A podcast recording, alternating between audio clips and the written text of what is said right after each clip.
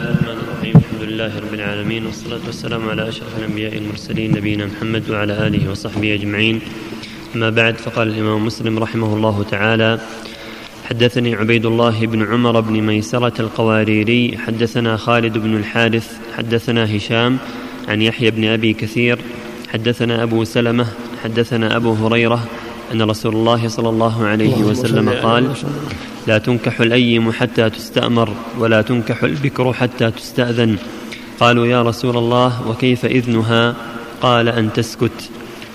وحدثني زهير بن حرب حدثنا إسماعيل بن إبراهيم حدثنا الحجاج بن أبي عثمان حاء وحدثني إبراهيم بن موسى أخبرنا عيسى يعني بن يونس عن الأوزاعي حاء وحدثني زهير بن حرب حدثنا حسين بن محمد حدثنا شيبان حاء وحدثني عمرو الناقد ومحمد بن رافع قال حدثنا عبد الرزاق عن معمر حاء وحدثنا عبد الله بن عبد الرحمن الدارمي أخبرنا يحيى يعني بن حسان حدثنا معاوية كلهم عن يحيى بن أبي كثير بمثل معنى حديث هشام وإسناده.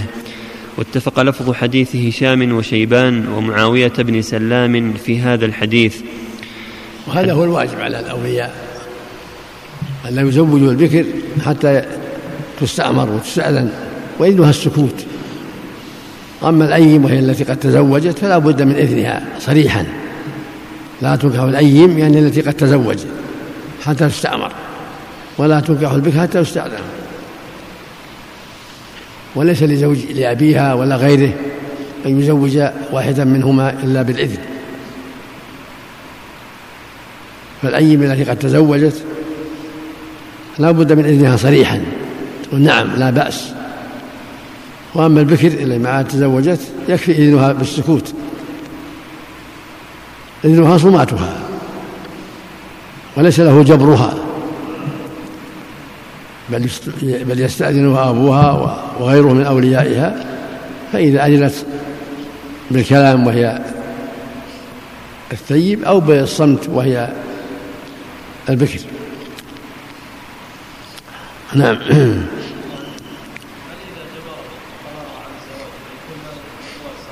ما هو صحيح لا. نعم. لو جرت العادة يا شيخ بارك الله فيك على عدم استئمار ولو العادة باطلة. العادة باطلة.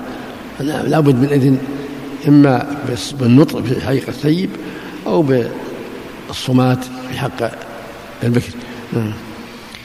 حدثنا أبو بكر بن أبي شيبة حدثنا عبد الله بن إدريس عن ابن جريج حاء وحدثنا إسحاق بن إبراهيم ومحمد بن رافع جميعا عن عبد الرزاق واللفظ لابن رافع. حدثنا عبد الرزاق أخبرنا ابن جريج قال سمعت ابن أبي مليكة يقول قال ذكوان مولى عائشة سمعت عائشة تقول سألت رسول الله صلى الله عليه وسلم عن الجارية ينكحها أهلها أتستأمر أم لا؟ فقال لها رسول الله صلى الله عليه وسلم نعم تستأمر. فقالت عائشة فقلت له فإنها تستحيي فقال رسول الله صلى الله عليه وسلم فذلك إذنها إذا هي سكتت. نعم. حدثنا سعيد بن منصور وقتيبة بن سعيد قال حدثنا مالك حاء وحدثنا يحيى بن يحيى واللفظ له قال قلت لمالك حدثك عبد الله بن الفضل عن نافع بن جبير عن ابن عباس أن النبي صلى الله عليه وسلم قال الأيم أحق بنفسها من وليها والبكر تستأذن في نفسها وإذنها صماتها قال نعم وحدثنا قتيبة بن سعيد حدثنا سفيان عن زياد بن سعد عن عبد الله بن الفضل سمع نافع بن جبير يخبر عن ابن عباس أن النبي صلى الله عليه وسلم قال الثيب أحق بنفسها من وليها والبكر تستأمر وإذنها سكوتها. صلي عليه الله وحدثنا ابن أبي عمر حدثنا سفيان بهذا الإسناد وقال الثيب أحق بنفسها من وليها والبكر يستأذنها أبوها في نفسها وإذنها صماتها. وربما قال وصمتها إقرارها. حدثنا أبو كريب محمد بن العلاء حدثنا أبو أسامة حا وحدثنا أبو بكر بن أبي شيبة قال وجدت في كتابي عن أبي أسامة عن هشام عن أبيه عن عائشة قالت تزوجني رسول الله صلى الله عليه وسلم لست سنين وبنى بي وأنا بنت تسع سنين. قالت فقدمنا المدينة فوعكت شهرا فوفى شعري جميمة فأتتني أم رومان وأنا على أرجوحة. حدثنا أبو كريب محمد بن العلاء حدثنا أبو أسامة حاء وحدثنا أبو بكر بن أبي شيبة. قال وجدت في كتابي عن أبي أسامة عن هشام عن أبيه عن عائشة قالت تزوجني رسول الله صلى الله عليه وسلم لست سنين وبنى بي وأنا بنت تسع سنين. قالت فقدمنا المدينة فوعكت شهرا فوفى شعري جميمة فاتتني أم رومان وأنا على أرجوحة ومعي صواحبي فصرخت بي فأتيتها وما أدري ما تريد بي فأخذت بيدي فأوقفتني على الباب فقلت هه هه. حتى ذهب نفسي حتى ذهب نفسي. فأدخلتني بيتا فإذا نسوة من الأنصار فقلنا على الخير والبركة وعلى خير طائر. فأسلمتني إليهن فغسلن رأسي وأصلحنني فلم يرعني إلا ورسول الله صلى الله عليه وسلم ضحى فأسلمنني إليه. وحدثنا يحيى بن يحيى أخبرنا أبو معاوية عن هشام بن عروة حاء وحدثنا ابن نمير واللفظ له حدثنا عبدة هو ابن سليمان عن هشام عن أبيه عن عائشة قالت تزوجني النبي صلى الله عليه وسلم وأنا بنت ست سنين وبنى بي وأنا بنت تسع سنين. وحدثنا عبد بن حميد أخبرنا عبد الرزاق أخبرنا معمر عن هذا يبين أن من دون التسع ما تحتاج الاستئذان؟ لأن زوجها الصديق للنبي صلى الله عليه وسلم وهي بنت ست. أو سبع سنين كما إحدى الروايات ودخل بها وهي ابنة تسع. ولم تشعر ولم تعلم حين الزواج لأنها صغيرة ما لها فكر ولا رأي. بنت ست سنين من الست والسبع ليست من محل في محل الاستئذان. فإذا بلغت تسعا فهي محل الاستئذان. مثل ما قالت عائشة إذا بلغت الجارية تسعا فهي امرأة تعقل. أما ما دون التسع فإذا زوجها أبوها خاصة فلا بأس لأن ينظر في المصلحة. نعم. وحدثنا عبد بن حميد أخبرنا عبد الرزاق أخبرنا معمر عن الزهري عن عروة عن عائشة أن النبي صلى الله عليه وسلم تزوجها وهي بنت سبع سنين وزفت إليه وهي بنت تسع سنين ولعابها معها ومات عنها وهي بنت ثمان عشرة. وحدثنا يحيى بن يحيى وإسحاق بن إبراهيم. عنها وهي بنت ثمان عشرة. ومع هذا حملت العلم العظيم على صغر سنها. روت عنه الأحاديث الكثيرة وسمعت منه الأحاديث الكثيرة وحفظت مع صغر السن ثمانية عشر سنة حين توفي عنها وهي في هذا السن. وهذا يدل على حفظ عظيم وإتقان وذكاء رضي الله عنها وأرضاها. الله المستعان الله نعم. خير طائر يعني على خير وجه على خير وجه نعم. إذا يعني بعض الأوقات إذا يعني طرق الباب يقولون خير يعطيه ما يقول خير يعطيها دعاء. هذا يقول على خير يعطيها يرجون لها أن تكون على خير خير على خير خير.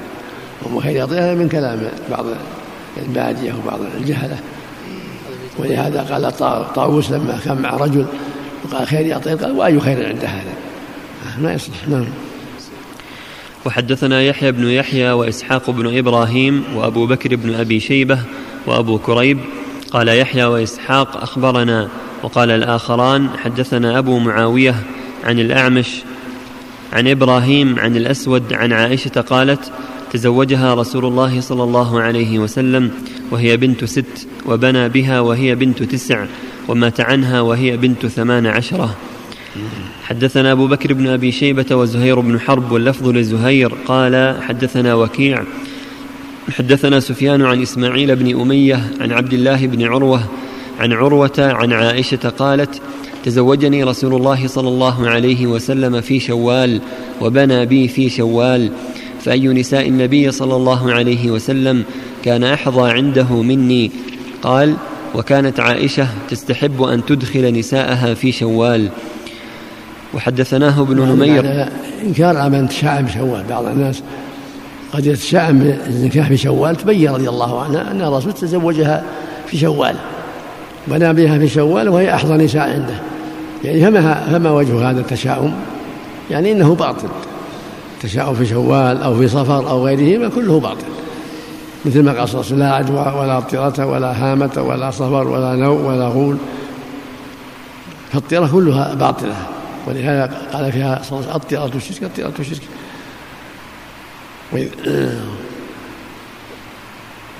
وقال إذا لما ذكر عنده الطيرة عند رسول الله صلى الله عليه وسلم قال عليه الصلاة والسلام إذا وجد إنسان في نفسه فيقول اللهم لا يأتي بالحسنات إلا أنت ولا يدفع السيئات إلا أنت ولا حول ولا قوة إلا بك قال لما قال لا ترد لا تردوا مسلما. فإذا رأت ما يكره فليقول اللهم لا يأتي بالحسنات إلا أنت ولا يدفع السيئات إلا أنت ولا حول ولا قوة إلا بك نعم. وحدثناه ابن نمير حدثنا أبي حدثنا سفيان بهذا الإسناد ولم يذكر فعل عائشة. حدثنا ابن أبي عمر حدثنا سفيان عن يزيد بن كيسان عن أبي حازم عن أبي هريرة قال كنت عند النبي صلى الله عليه وسلم فأتاه رجل فأخبره أنه تزوج امرأة من الأنصار فقال له رسول الله صلى الله عليه وسلم أنظرت إليها؟ قال لا. قال فاذهب فانظر إليها فإن في أعين الأنصار شيئا. وحدثني يحيى بن معين. هذا هو السنة النظر إلى المخطوبة. السنة النظر إلى المخطوبة حتى يقدم على بصيرة. أو يرسل لها من يصفها له. إذا لم يتيسر النظر إليها يرسل أمه أو أخته. أو بعض محارمها حتى يأتيه بالصفات اللازمة حتى يقدم على بصيرة. وإذا نظر إليها وإن لم تعلم فلا بأس لكن لا يخلو بها. ينظر إليها من دون خلوة مع أمها أو مع أبيها أو من بعيد لم تشعر به حتى يطمئن إلى خطبتها. ولهذا قال صلى الله عليه وسلم من خطب أحد امرأة فإن استطاع أن ينظر منها إلى ما يدعو إليه فليفعل. قال الرجل نظرت إليها؟ قال لا. قال فانظر إليها؟ نعم. هل يستفاد من الحديث أنه يجوز له أن ينظر إليها بعد الخطبة؟ لا المقصود قبل الخطبة حتى يقدم على بصيرة. لكن لا ينظر بعد الخطبة. إذا اطمأن فلا بأس. ما عاد ما عاد في حاجة. أما إذا كان ما اطمأن ينظر حتى يطمئن. وحدثني يحيى بن معين حدثنا مروان بن معاوية الفزاري حدثنا يزيد بن كيسان عن أبي حازم عن أبي هريرة قال جاء رجل إلى النبي صلى الله عليه وسلم فقال إني تزوجت امرأة من الأنصار. فقال له النبي صلى الله عليه وسلم هل نظرت إليها؟ فإن في عيون الأنصار شيئا. قال قد نظرت إليها. قال على كم تزوجتها؟ قال على أربع أواق. فقال له النبي صلى الله عليه وسلم على أربع أواق. كأنما تنحتون الفضة من عرض هذا الجبل ما عندنا ما نعطيك ولكن عسى أن نبعثك في بعث تصيب منه. قال فبعث بعثا إلى بني عبس بعث ذلك الرجل فيهم. الله المستعان. وفي هذا تسهيل الحث على التسهيل في المهور وعدم التكلف. أربع أواق مئة وأربعين مئة وستين درهم الأوقية أربعون. أربع أواق مئة وستون درهم فإذا كان النبي استكثرها من من نسبة بالنسبة إلى عامة الناس. وكان النبي تزوج على خمسمائة درهم عليه الصلاة عليه الصلاة والسلام. نساء وزوجات خمسمائة درهم. اللهم المستعان نعم. إلا أم حبيبة مهرها له النجاشي بأربعة آلاف درهم أربعمائة دينار.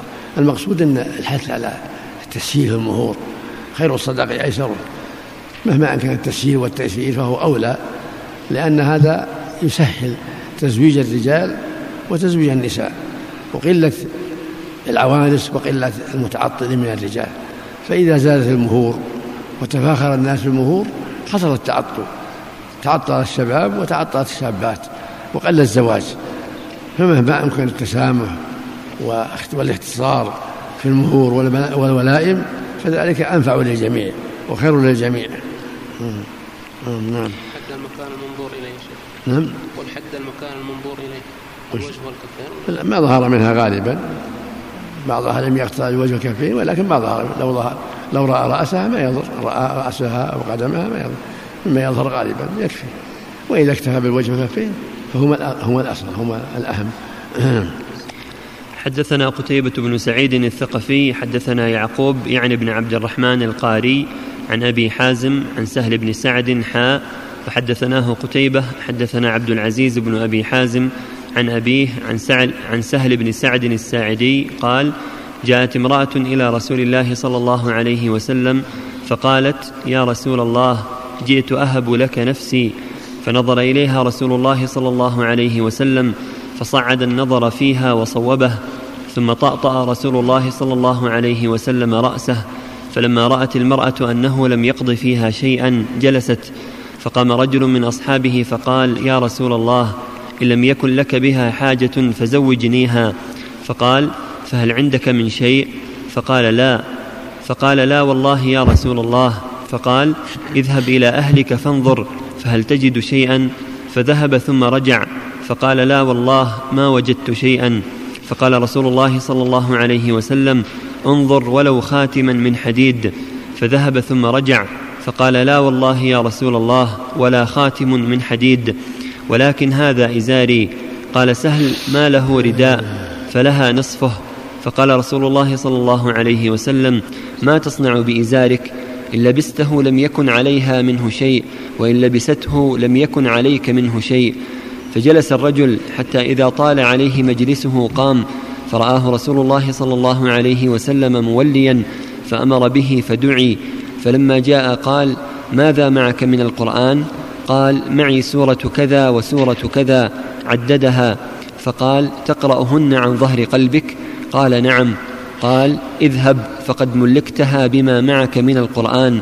هذا حديث ابن أبي حازم وحديث يعقوب يقاربه في اللفظ.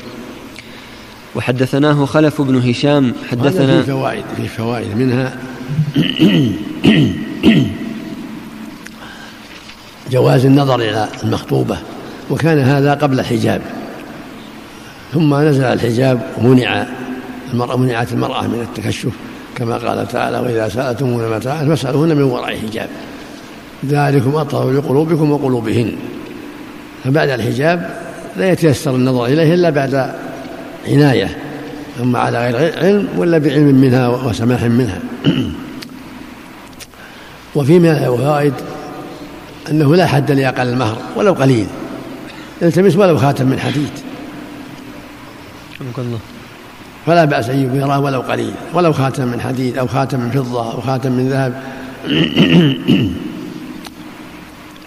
وفي من الفوائد جواز لبس الخاتم من الحديد. وأنه لا حرج في ذلك. وما ورد من النهي هو حديث ضعيف. شاذ مخالف للحديث الصحيح. وفيه من الفوائد جواز التزوج بتعليمها من القرآن يعلمها جزء أو جزئين أو سورة أو سورتين مهرا لها لا بأس بذلك. إذا لم يتيسر له مال. أما إذا تيسر المال فإنه يتزوج بالمال. كما قال تعالى أن تبتغوا بأموالكم. فيصدقها وما تيسر. أما إذا لم يجد مال كان فقيرا ما عنده مال فلا مانع أن يتزوجها بشيء من القرآن سورة أو سورتين أو جزء أو جزئين يكون مهرا لها. نعم.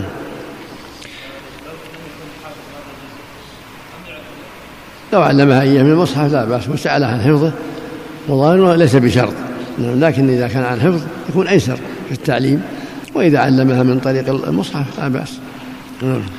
وحدثناه خلف بن هشام حدثنا حماد بن زيد حاء. وحدثنيه زهير بن حرب حدثنا سفيان بن عيينة حاء. وحدثنا إسحاق بن إبراهيم عن الدراوردي حاء. وحدثنا أبو بكر بن أبي شيبة. يعني الغالب على على العرب الغالب عليهم عدم الكتابة عدم القراءة من الكتاب. ثم لما جاء الله بالإسلام تعلموا كثر الحفظ وكثرت القراءة والكتابة. نعم. اللهم نعم وحدثناه خلف بن هشام حدثنا حماد بن زيد حا وحدثنيه زهير بن حرب حدثنا سفيان بن عيينة حا وحدثنا إسحاق بن إبراهيم عن الدراوردي حا وحدثنا أبو بكر بن أبي شيبة حدثنا حسين بن علي عن زائدة كلهم عن أبي حازم عن سهل بن سعد بهذا الحديث يزيد بعضهم على بعض غير أن في حديث زائدة قال انطلق فقد زوجتكها. فعلمها من القرآن. حدثنا إسحاق بن إبراهيم أخبرنا عبد العزيز بن محمد حدثني يزيد بن عبد الله بن أسامة بن الهاد حاء وحدثني محمد بن أبي عمر المكي واللفظ له. حدثنا عبد العزيز عن يزيد عن محمد بن إبراهيم عن أبي سلمة بن عبد الرحمن أنه قال سألت عائشة زوج النبي صلى الله عليه وسلم كم كان صداق رسول الله صلى الله عليه وسلم؟ قالت كان صداقه لأزواجه ثنتي عشرة أوقية ونشا. قالت أتدري ما النش قال قلت لا. قالت نصف أوقية فتلك خمسمائة درهم.